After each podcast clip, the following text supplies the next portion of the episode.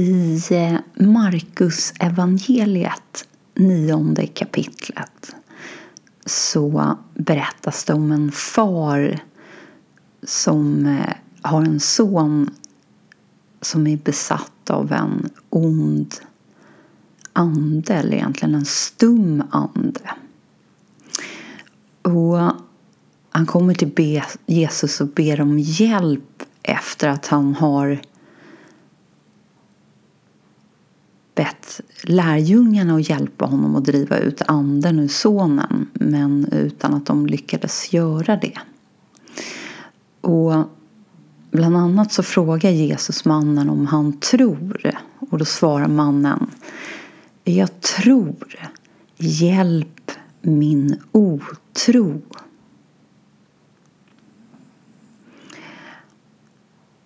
Och när Jesus får reda på att lärjungarna har försökt att driva ut anden men inte lyckas så utbrister han Detta släkte som inte vill tro. Allt är möjligt för den som tror. Och efter att Jesus har drivit ut den här onda anden eh, och återförenas med lärjungarna så frågar de ju honom lite nedslaget varför de inte lyckades men, men han lyckades driva ut anden och då svarar han den sorten kan bara drivas ut med bön. Och ja, det kan man fundera över varför han svarar så. Det eh, kanske är för att inte knäcka sina lärjungar eller så var det så. Men dels det här uttalandet som mannen gör, jag tror, hjälp min otro. Och Jesus lite grann befäster, allt är möjligt för den som tror. Och det här med jag tror och hjälp min otro det tror jag att många av oss kan känna igen oss i. Att vi har en tro som inte riktigt då handlar om jag tror men jag vet inte. Utan det är en stark övertygelse inom oss som nästan upplevs som att den är där orubbligt. Men så finns det en stor dos med tvivel som dyker upp i form av tviveltankar som vi upplever att vi inte riktigt kan låta vara. Vår uppmärksamhet fastnar i tviveltankarna och lite grann tyvärr också göder dem emellanåt. Och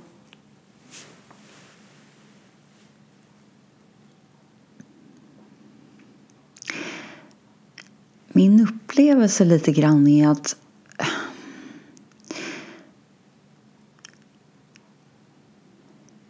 även om vi har fått starka bevis på åtminstone att sanningen eh, någonstans existerar bortom det vi kan betrakta som det världsliga. Vi kanske ännu inte har riktigt fullt ut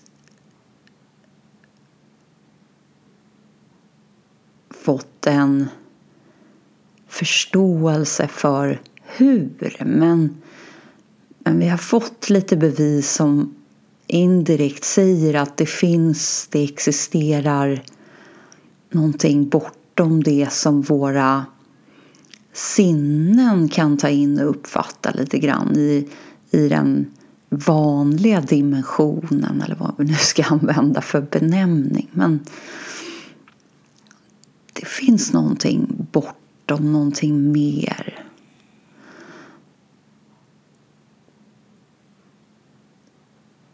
Så i vardagen när vi framförallt upplever att vi är en del av det världsliga, av det relativa, av det förgängliga indirekt. Så antingen glöms det där bort eller åtminstone är inte det som är i förgrunden. Utan det ligger någonstans lite i bakgrunden möjligen. Och, det är framförallt det världsliga och de världsliga bekymren som är det som vi upplever att vi framförallt behöver ta tag i. Och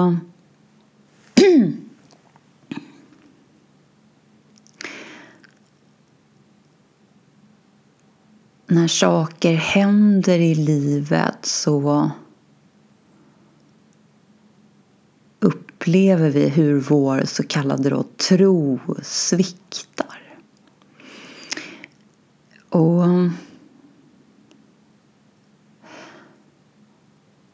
kan till exempel handla om att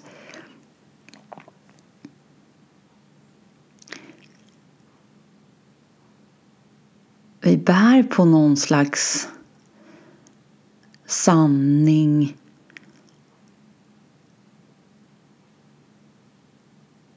som handlar om att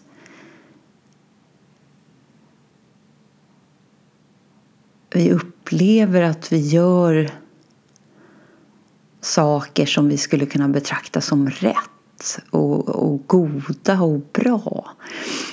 Och, och då innefattas vår sanning av att våra liv borde besparas lite grann ifrån det värsta eländet.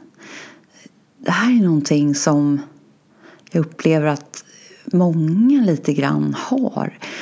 Och jag kan inte känna att det är någonting som de själva från början riktigt har frivilligt valt. Så att på något sätt är det lite grann en kollektiv sanning som många av oss har tagit till våra hjärtan och, och låtit befästas där.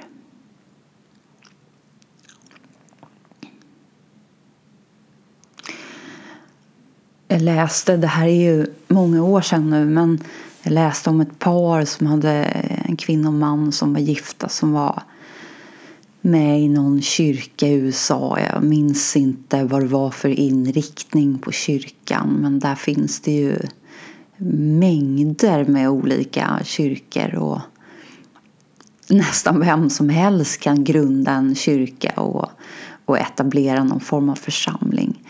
Eh, men de var, som de själva uttryckte det, djupt troende och, och den här församlingen och deras tro och att på något sätt gå till kyrkan var verkligen det huvudsakliga i deras liv. De hade också arbeten men det var framförallt det här som var det högsta för dem. Och så blev kvinnan gravid och så födde hon deras son som visade sig vara väldigt sjuk. Och de fick väldigt mycket olika bekymmer med den här sonen eh, på olika sätt. Och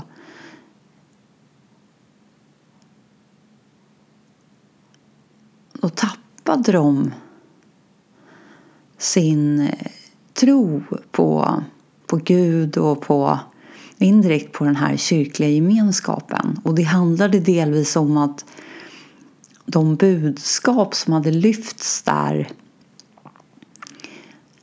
pekade församlingen emot att ni som gör rätt kommer att ha bra liv. Också här på jorden, eller vad vi ska säga, här i, i det relativa, i det världsliga. Det, det kommer att bli bra för er och det kommer att gå bra för er. Och när de drabbades av den här djupa livskrisen som de då såg talade om någonting annat för dem än att deras liv var bra just nu. Sonens allvarliga sjukdom och den situation som de indirekt på grund av den hade hamnat i upplevde de plötsligt som oerhört plågsam. Den var inte alls bra. Så det hela ledde i alla fall till att de lämnade den här församlingen och lite grann också förkastade eh, sin tro. Eh, som, som egentligen handlade väldigt mycket om idéer och föreställningar om hur livet, alltså det relativa, ska vara och indirekt hur det ska behandla det vi upplever oss vara, det vill säga en person, en frikopplad enhet som lever i världen. Så de övergick till att identifiera sig som ateister, det vill säga några som helt plötsligt känner att nej men vi, vi tror inte på någonting. Lite grann egentligen om, om ni säger Gud så säger vi tvärtom. Eh, och det där, även faktiskt lite inom vissa, när, och det här är ju också hur, hur vi själva tolkar. Vi kan ju inte veta egentligen exakt alltid vad avsändarna avser därför att vår tolkning är väldigt styrd av vart vårt medvetande befinner sig och hur våra tolkningsfilter ser ut. Och de styrs ju någonstans av indirekt vilka sanningar som vi har i våra hjärtan och som handlar om hur vi betraktar oss själva och hur vi betraktar världen och vad vi har för idé om gott och ont och sant och falskt och rätt och fel. Så även inom andra områden än kanske just det som kan benämnas eller betraktas som religiös. Och om vi ska benämna det lite grann som kanske lite mer nyandligt eller andligt generellt utan att kanske röra oss inom ramen för en specifik religion. Så finns det även där möjligheter att tolka livet och hur livet ska behandla oss om vi ägnar åt, oss åt vissa saker. Att, att det på något sätt ska göda oss med gott. Och um, så länge vi upplever att det funkar så är det fantastiskt. Men den dagen som det inte funkar, ja då kan vi antingen tolka det som att vi inte har skött oss och måste bättra oss eller tyvärr lite grann då att vi upplever att nu, nu föll lite grann mitt symboliska universum raserades här. Vilket det gjorde för den här mannen och kvinnan som fick en sjuk son. Och då står man lite grann på noll. Och det kanske är precis det man behöver å andra sidan. Så att det behöver ju inte i sig egentligen innebära att, att det har skett ett misslyckande. Utan det kanske är precis just det som behövs. Men min poäng lite grann här är ju att, och vi har ju varit inne på det här tidigare, det här med sann tro rotas i sanning. Att ordet tro, inte minst på svenska, är ju lite förklätt för att inte riktigt veta. Och går vi bara på vår magkänsla eller det vi kan eh, kalla för intuitionen, ja, då kan vi ju inte alltid förklara varför vi känner på ett visst sätt. Men likväl kan det eh, vara rotat inom oss på en nivå att vi inte riktigt kan gå emot det eller plocka bort det. Och då är det ju någonstans lite rotat i sanning. Men, men det kräver ju någonstans också att vi har följt vår magkänsla tidigare och att vi verkligen litar på den och vet lite grann vart den rösten kommer ifrån. Och att den många gånger faktiskt är betydligt mer sann än det som kommer i vårt huvud. Men om vi inte riktigt är där utan vi mer upplever att vår tro handlar om kanske en miljö som vi har vuxit upp i på samma sätt som alla sanningar som har någonstans landat i oss. Att det är intränat och inlärt och att vi kanske faktiskt inte har tillåtit oss att lite grann pröva de här sanningarna. Lite det här med Ramanas self-inquiry, att faktiskt våga lite grann syna det som bor inom oss och som vi någonstans har tagit som väldigt faktiskt och väldigt sant och väldigt indirekt också många gånger självklart.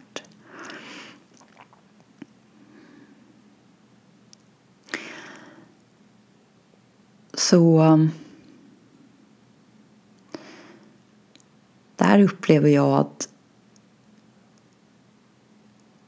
väldigt många olika riktningar och mästare och, och röster faktiskt pekar oss inåt, hemåt där vi någonstans alla besitter förmågan och har möjligheten att själva lite grann nå sanningen. Och också få de sanna svaren.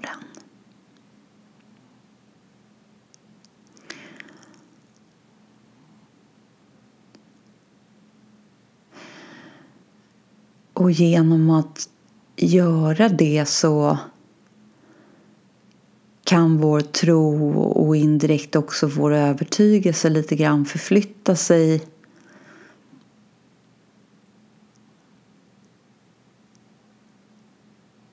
Från någonting som indirekt blir relativt därför att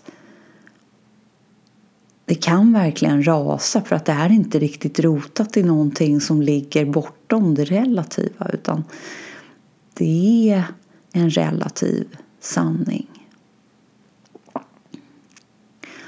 Det kan istället rotas i någonting varaktigt lite grann som är orubbligt oberoende av det relativa, oberoende av vår livssituation. Det är lite det, om ni minns profeten i Khalil Gibrans bok också talade om. Just det här att friheten inte är någon riktig frihet när vi söker den i våra liv och i våra livssituationer. Utan först när vi finner riktig frihet inom oss. Egentligen i, i svaret om vilka vi är eller vad vi är. Först där kan vi på riktigt bli fria.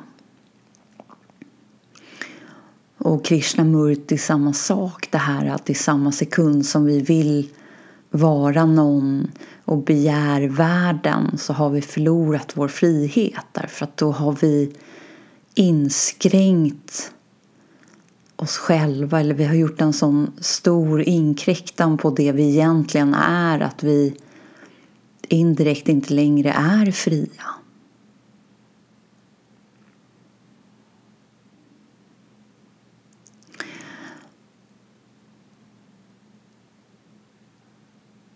Och det finns ett annat talesätt som säger att för den som tror behövs inga ord. Men för den som inte tror är inga ord tillräckliga.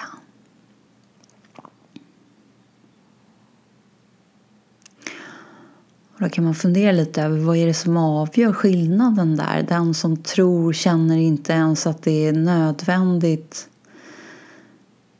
med ord.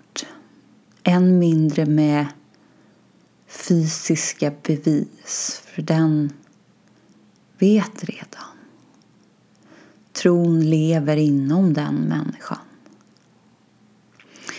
Medan den som inte tror, ja, den är nästan inte påverkbar av någonting som kommer. Det är som att den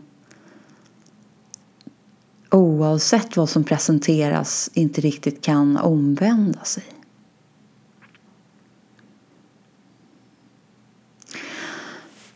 Och där skulle jag säga att vi har lite den här splittringen. Det, det vi har varit inne på, det här med att vi är delade. Att står vi i någonstans lite mer rotade i bevittnandet av delningen som handlar mer om vår essens, ja då har vi den här pappans första del av hans uttalande. Jag tror. Men sen kommer någonstans den här splittringen, den här delningen och indirekt då de skapade jagen eller de här identifieringarna med egentligen med det relativa. Och då säger han i nästa mening Hjälp min otro. Att det finns en medvetenhet där om att det finns också en stor dos med otro i honom.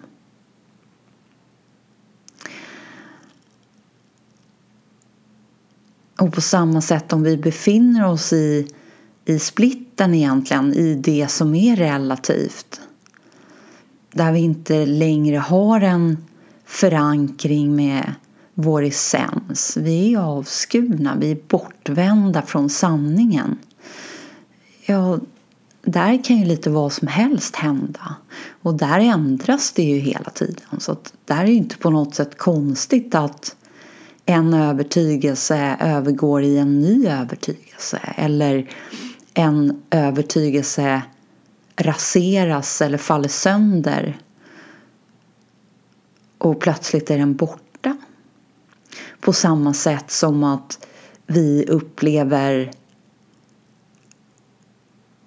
tillfälligt att vi plågas av någonting i våra liv och sen händer någonting och så är den plågoanden som bortblåst och så har den bytts ut av någonting bra kanske ett tag.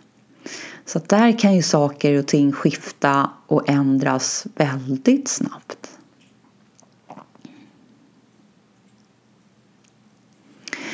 I Thomas evangeliet paragraf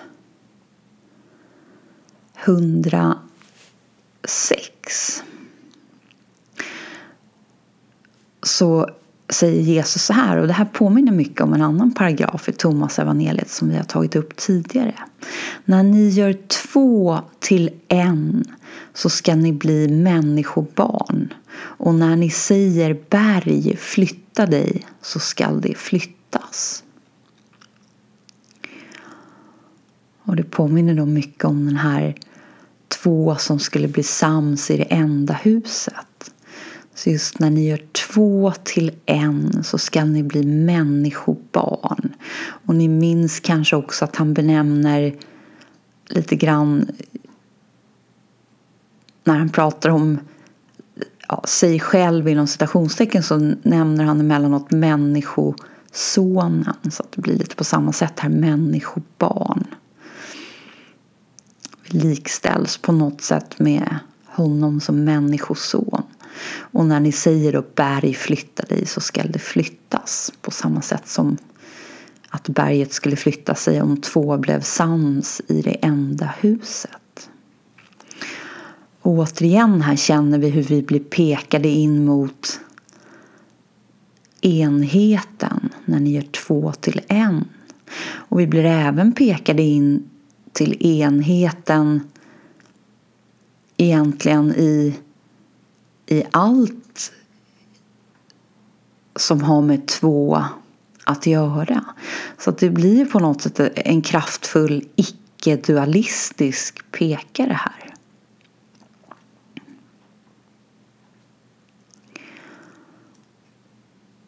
För att efter den här inre splittringen så blir de här på något sätt tudelade koncepten jag och du eh, ljus och mörker och så vidare. Det, det faller sig lite grann naturligt när splittringen har skett att se divergensen eller differentieringen snarare än enheten.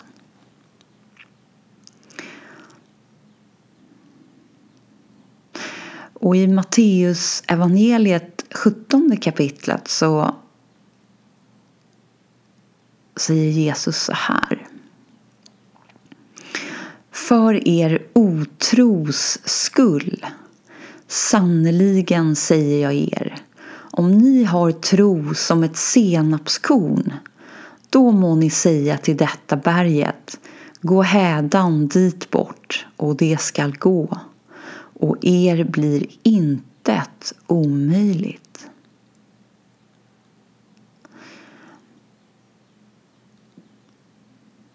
Om ni har tro som ett senapskorn och vi minns ju lite grann den här liknelsen med senapskornet, eller hur? Och Jesus tog just det kornet därför att det var det absolut minsta fröet som han kände till och kunde komma på.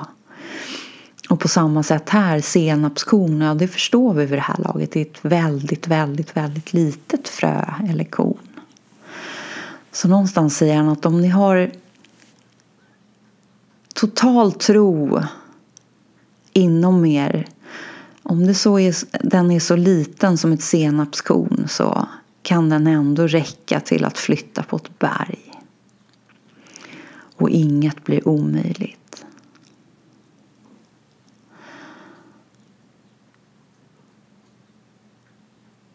Och också lite grann hans uttalanden gentemot den här pappan vars son var övertagen av den här stumma anden eller besatt. Eh, detta släkte som inte vill tro, säger han när lärjungarna har misslyckats att driva ut anden. Tro här är lite viktigt och också faktiskt avgörande. Och det här senapskorn, ja det, den delen skulle vi ju kunna likställa dem med pappan som säger jag tror. Det är ju hans senapskorn lite grann. Och sen säger han hjälp min otro.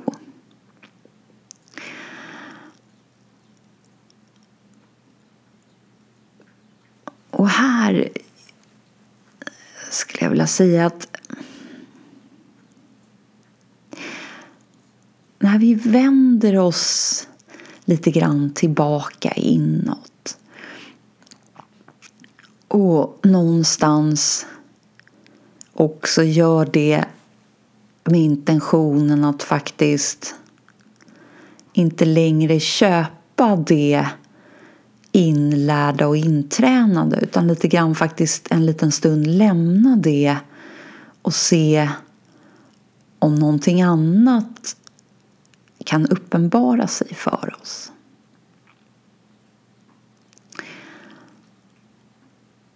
Ja, då är vi i sann tro plötsligt därför att då är vi hemma med vår uppmärksamhet.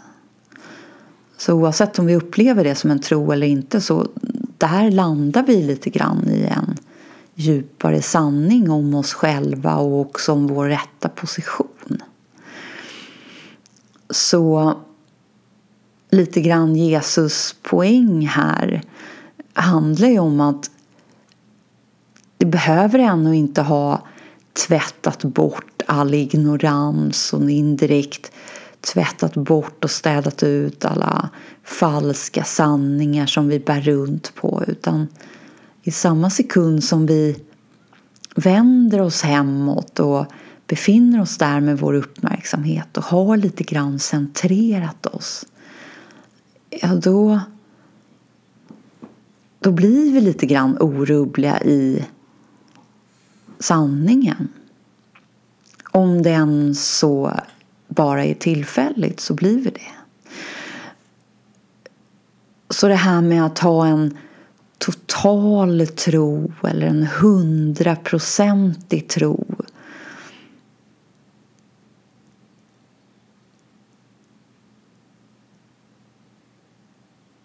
det är mer vårt intellekt som på något sätt vill värdera tro och, och någonstans se hur stor del inom oss som tror och inte. Men intellektet måste vi någonstans passera här för att komma hem och landa hemma och förbli hemma. Så tankar som kommer och ifrågasätter hur total vår tro är eller hur fullbordad den är. Ja, det kanske inte riktigt egentligen är särskilt viktigt.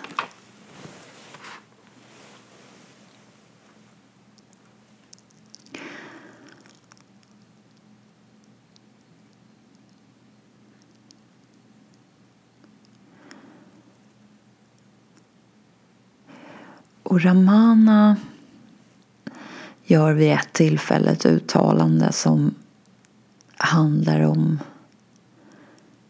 faktiskt egentligen om just tron och hur viktig och också lite grann faktiskt hur avgörande den är.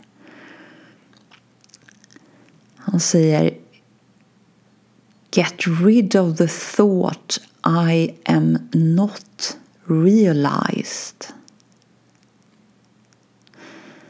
Gör er av med tanken att ni inte har realiserat sanningen eller självet.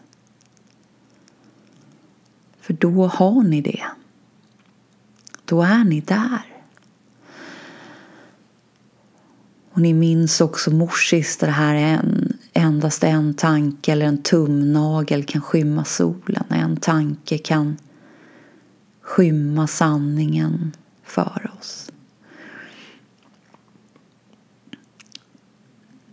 Så att istället för att bli distraherad av tankar som kommer som är otrostankar, tviveltankar, det som någonstans vill slå rot inom oss och börja växa där som ogräs och förblir vi hemma med vår uppmärksamhet. Vi, vi rotar oss i det här lilla, lilla senapskornet till en början som är en mikroskopiskt liten tugga eller glimt av någonting annat än det vi har trott oss vara sant och också möjligt. Och vi är där och, och riktar vår uppmärksamhet hemåt och vilar där kommer ju det här senapskornet och senapsfröet att gro. Och precis som frön gör ute i jorden så behöver vi inte hela tiden vara där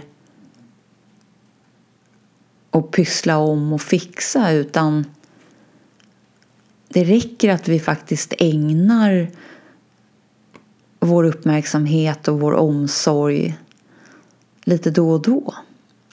Så på samma sätt som Maharaj här återvände hemåt, inåt, tillbaka när han upplevde att saker hände, det vill säga indirekt när han upplevde att hans uppmärksamhet var ute på annat håll. När han kom på sin uppmärksamhet med att vara lite uppsplittrad och vänd utåt istället för inåt så kallade han hem den. Och han tog de här små stunderna som fanns mellan alla vardagsbestyr och, och satt och ännu mer fokuserat och koncentrerat faktiskt riktade sin uppmärksamhet hemåt. Och han upplevde att det väldigt snabbt blev både naturligt och enkelt för honom att, att vara där och att förbli där och att också väldigt lätt kalla hem sig själv dit. Och nu är det inget jag som kliver emellan här. Det är ju också bara en illusion någonstans. Att vi tror att vi är ett jag som landar hemma. Det är därför jag hela tiden är tydlig med att säga att det är bara vår uppmärksamhet som vandrar emellan. Vi är hemma egentligen hela tiden men i och med att uppmärksamheten vandrar iväg utåt och vi har kraften och förmågan när vi tror och identifierar oss att lite grann uppleva vår verklighet på ett annat plan så kan vi uppleva det som att det är ett jag som någonstans vandrar emellan men det är inte så.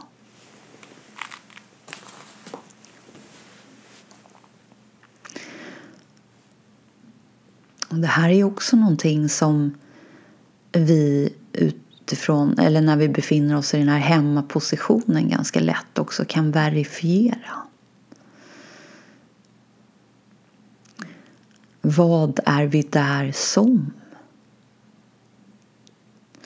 Om vi fortfarande upplever en känsla av ett personligt jag hemma i stillheten, i tystnaden. I det formlösa det ändlösa det tidlösa.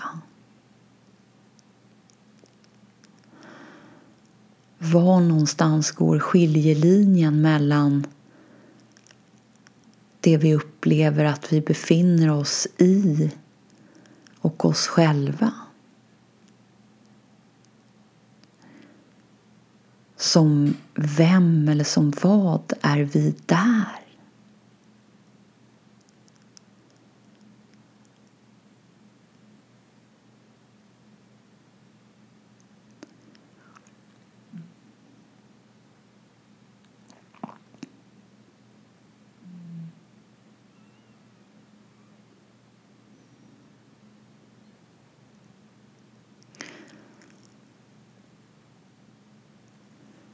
Så jag uppmuntrar er alla till att våga ta steget från att luta er mot och vila i era konceptuella sanningar som lite grann har rotfäst sig i era hjärtan. Till att istället utnyttja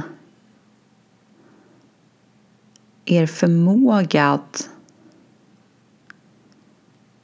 i nuet ta reda på hur det egentligen ligger till. Att faktiskt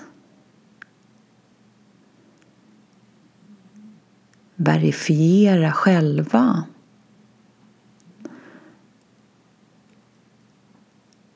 vad som egentligen ligger bakom känslan av ett jag.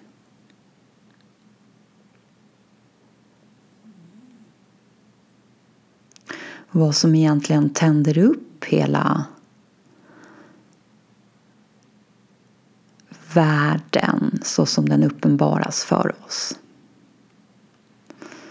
Vad som egentligen förekommer världen och vad som egentligen är det som vilar bortom tillstånden djupsömn, drömsömn och det så kallade vakna tillståndet.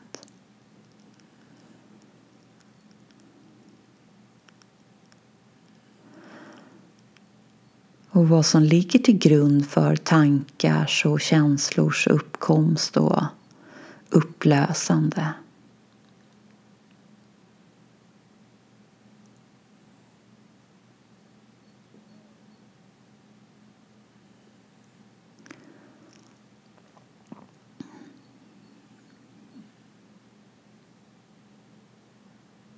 Så att er tro kan få slå rot där i form av ett litet senapskorn till en början. Men som vi också vet indirekt utifrån Jesus liknelse om himmelriket och just senapskornet eller senapsfröet att det, det kommer att gro och växa där och bli till ett stort träd. Mycket högre än alla andra kryddväxter. Och den tron göds och ombesörjs och växer av sig självt så fort vår uppmärksamhet riktas hemåt. Och ju mer plats det tar desto mer städas det andra ut.